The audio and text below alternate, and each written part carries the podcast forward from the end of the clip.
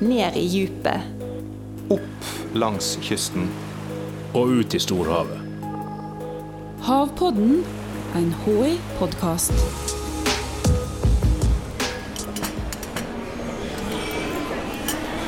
Liker du sjømat?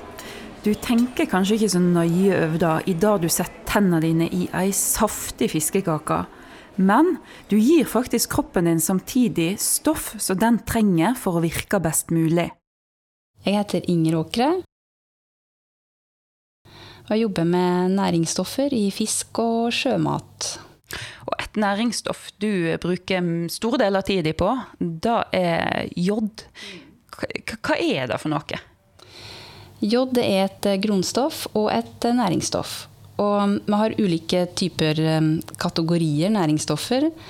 Eh, Og vi deler det ofte inn i makronæringsstoffer, som er fett, karbohydrat og proteiner.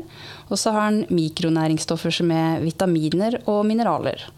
Og mineraler som fins i veldig små mengder i kroppen, de kaller vi for sporstoffer. Og der har vi jod, sammen med andre kjente sporstoffer, sånn som jern og sink og selen.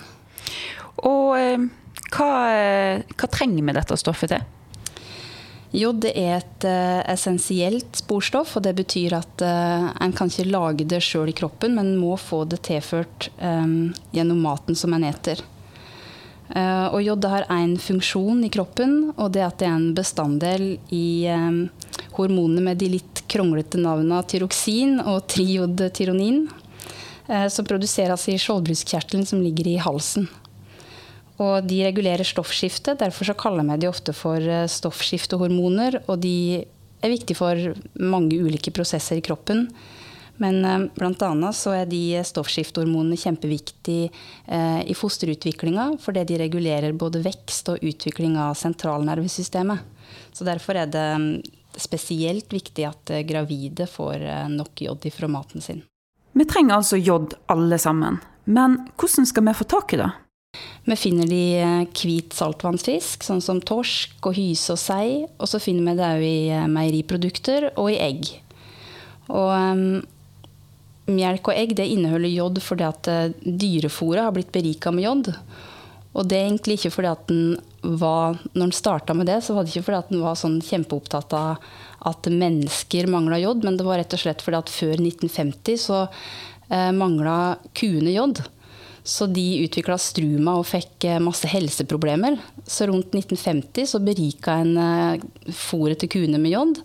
Og så så han at det gikk ut òg i kumelka, sånn at det har blitt en viktig kilde for oss eh, mennesker òg siden det.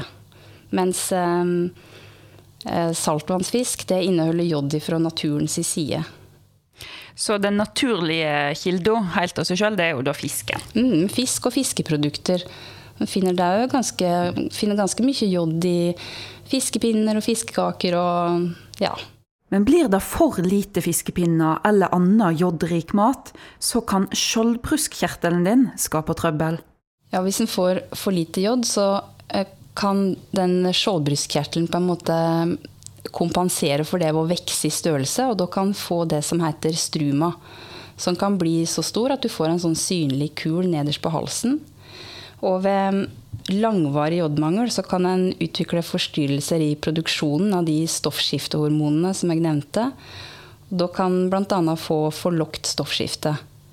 Men eh, både struma og forlokt stoffskifte det kan også skyldes andre årsaker enn jodmangel.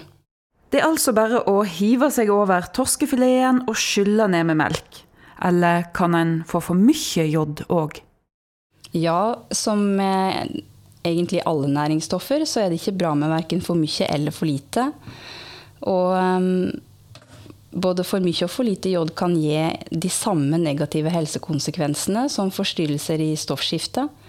Og jod er litt spesielt. Du har et anbefalt inntak, og så er det en sånn øvre inntaksgrense. Og det er veldig liten plass mellom de to grensene, sånn at en sier at jod har et veldig sånn eh, smalt vindu for optimalt eh, inntak. Men i Norge så er det jo aller mest vanlig å ha mangel på jod, eh, siden jod finnes i så få matvarer. Men så er det noen spesielle matvarer, sånn som f.eks. tang og tare, som kan inneholde kjempestore mengder jod, og da kan en lett få i seg litt for mye. Ikke skal en ha for lite, ikke skal en ha for mye. Hvordan skal en da treffe jodplanken? Hvis folk følger de norske kostrådene, så skal det sikre et eh, passe inntak ut av alle næringsstoffer.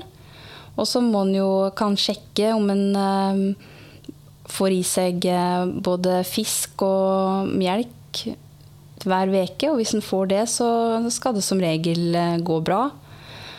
Men hvis en velger å kutte ut noen sånne matvaregrupper, så kan en jo eh, vurdere å ta et tilskudd. Og der har Helsedirektoratet anbefalinger for hvem som blir anbefalt å ta tilskudd. Ei gruppe i befolkninga som Inger og de andre J-forskerne er ekstra opptatt av, det er unge kvinner, fordi det er de som går gravide. Særlig gravide og ammannskvinner de trenger eh, mest jod. Men vi tror at det er veldig viktig å sikre seg et uh, tilstrekkelig jodinntak før en blir gravid. Derfor er vi litt opptatt av de unge kvinnene. Da. Uh, men vi har jo flere studier fra Norge nå som peker på at den gruppa har et uh, for dårlig inntak av jod i dag. Vet du noe om hvorfor disse unge kvinnene har for lite jod? Ja, Jod det finnes i veldig få matvarer. Så det kan være ganske vanskelig å få behovet sitt dekka gjennom eh, kostholdet sitt. Og Helsedirektoratet de utgir hvert år en sånn rapport som heter 'Utviklinga i norsk kosthold'. Og eh, det skjer med at inntaket av de viktige jodkildene, eh, sånn som melk og fisk, det har gått nedover i hele befolkninga gjennom mange år. Og derfor så er det ofte et problem blant eldre som eh, kanskje generelt eter lite mat, eller veganere eller vegetarianere som drikker lite melk eller eter lite fisk, at de er da ekstra utsatt for å få jodmangel. Men betyr det noe, altså En snakker jo en del om jod og unge kvinner, men eh, betyr det noe om en har lite jod i kroppen hvis en ikke planlegger å bli gravid? Ja, helsekonsekvenser av jodmangel det kan jo ramme både kvinner og menn og unge og gamle. Så det er anbefalt at alle grupper i befolkninga har et uh, tilstrekkelig inntak av jod. Men hvordan vet forskerne hvor mye og hvor lite jod det er i ulik mat? Eller hvor mye jeg eller du stapper i oss? Jo, de går helt konkret til verks. Jeg forsker jo både på matvarer og på mennesker. Eh, og en ting som er veldig viktig, det er å se på innholdet av jod i matvarer, i f.eks. fisk og fiskeprodukter eller tang og tare. og da samler jeg meg inn et stort utvalg, eller kan gå på butikken og kjøpe inn masse matvarer og produkter, og så tar vi de med tilbake til oss på laben og analyserer de. Og I tillegg så ser vi på inntak av jod i ulike grupper av befolkningen. Og for å gjøre det, så må vi samle inn data på kosthold. At vi må rett og slett eh, finne ut av hva de eter, og så estimere inntaket av jod. Og da trenger vi jo de matvareanalysene som eh, vi gjør på laben hos oss for å finne ut av det, eller å beregne det. Eh, og så sjekker vi som regel jodstatus, og det kan gjøre i ei urinprøve. Og så måler vi i tillegg ofte de stoffskiftehormonene, og da må vi ta en blodprøve. Og det er jo um, kjempespennende å gjøre sånne studier og møter veldig mange fine folk. Og så er det ofte litt vanskelig å få nok deltakere til å være med. Hvorfor uh, har du valgt å forske på jod? Mm, jod er jo et viktig næringsstoff som det kan være vanskelig å få dekka behovet sitt uh, av. Og derfor så trenger vi mer kunnskap både om um, inntaket i befolkningen og hvilke matvarer som inneholder jod, og hvor mye jod de inneholder. Så jeg syns at både å kartlegge jodinnholdet i matvarer og jodstatusen hos grupper i befolkningen er viktig. Og det er viktig for å kunne gi gode eller um, riktige anbefalinger. Så det er spennende å kunne bidra bitte litt til det. Havpodden er en podkast fra Havforskningsinstituttet.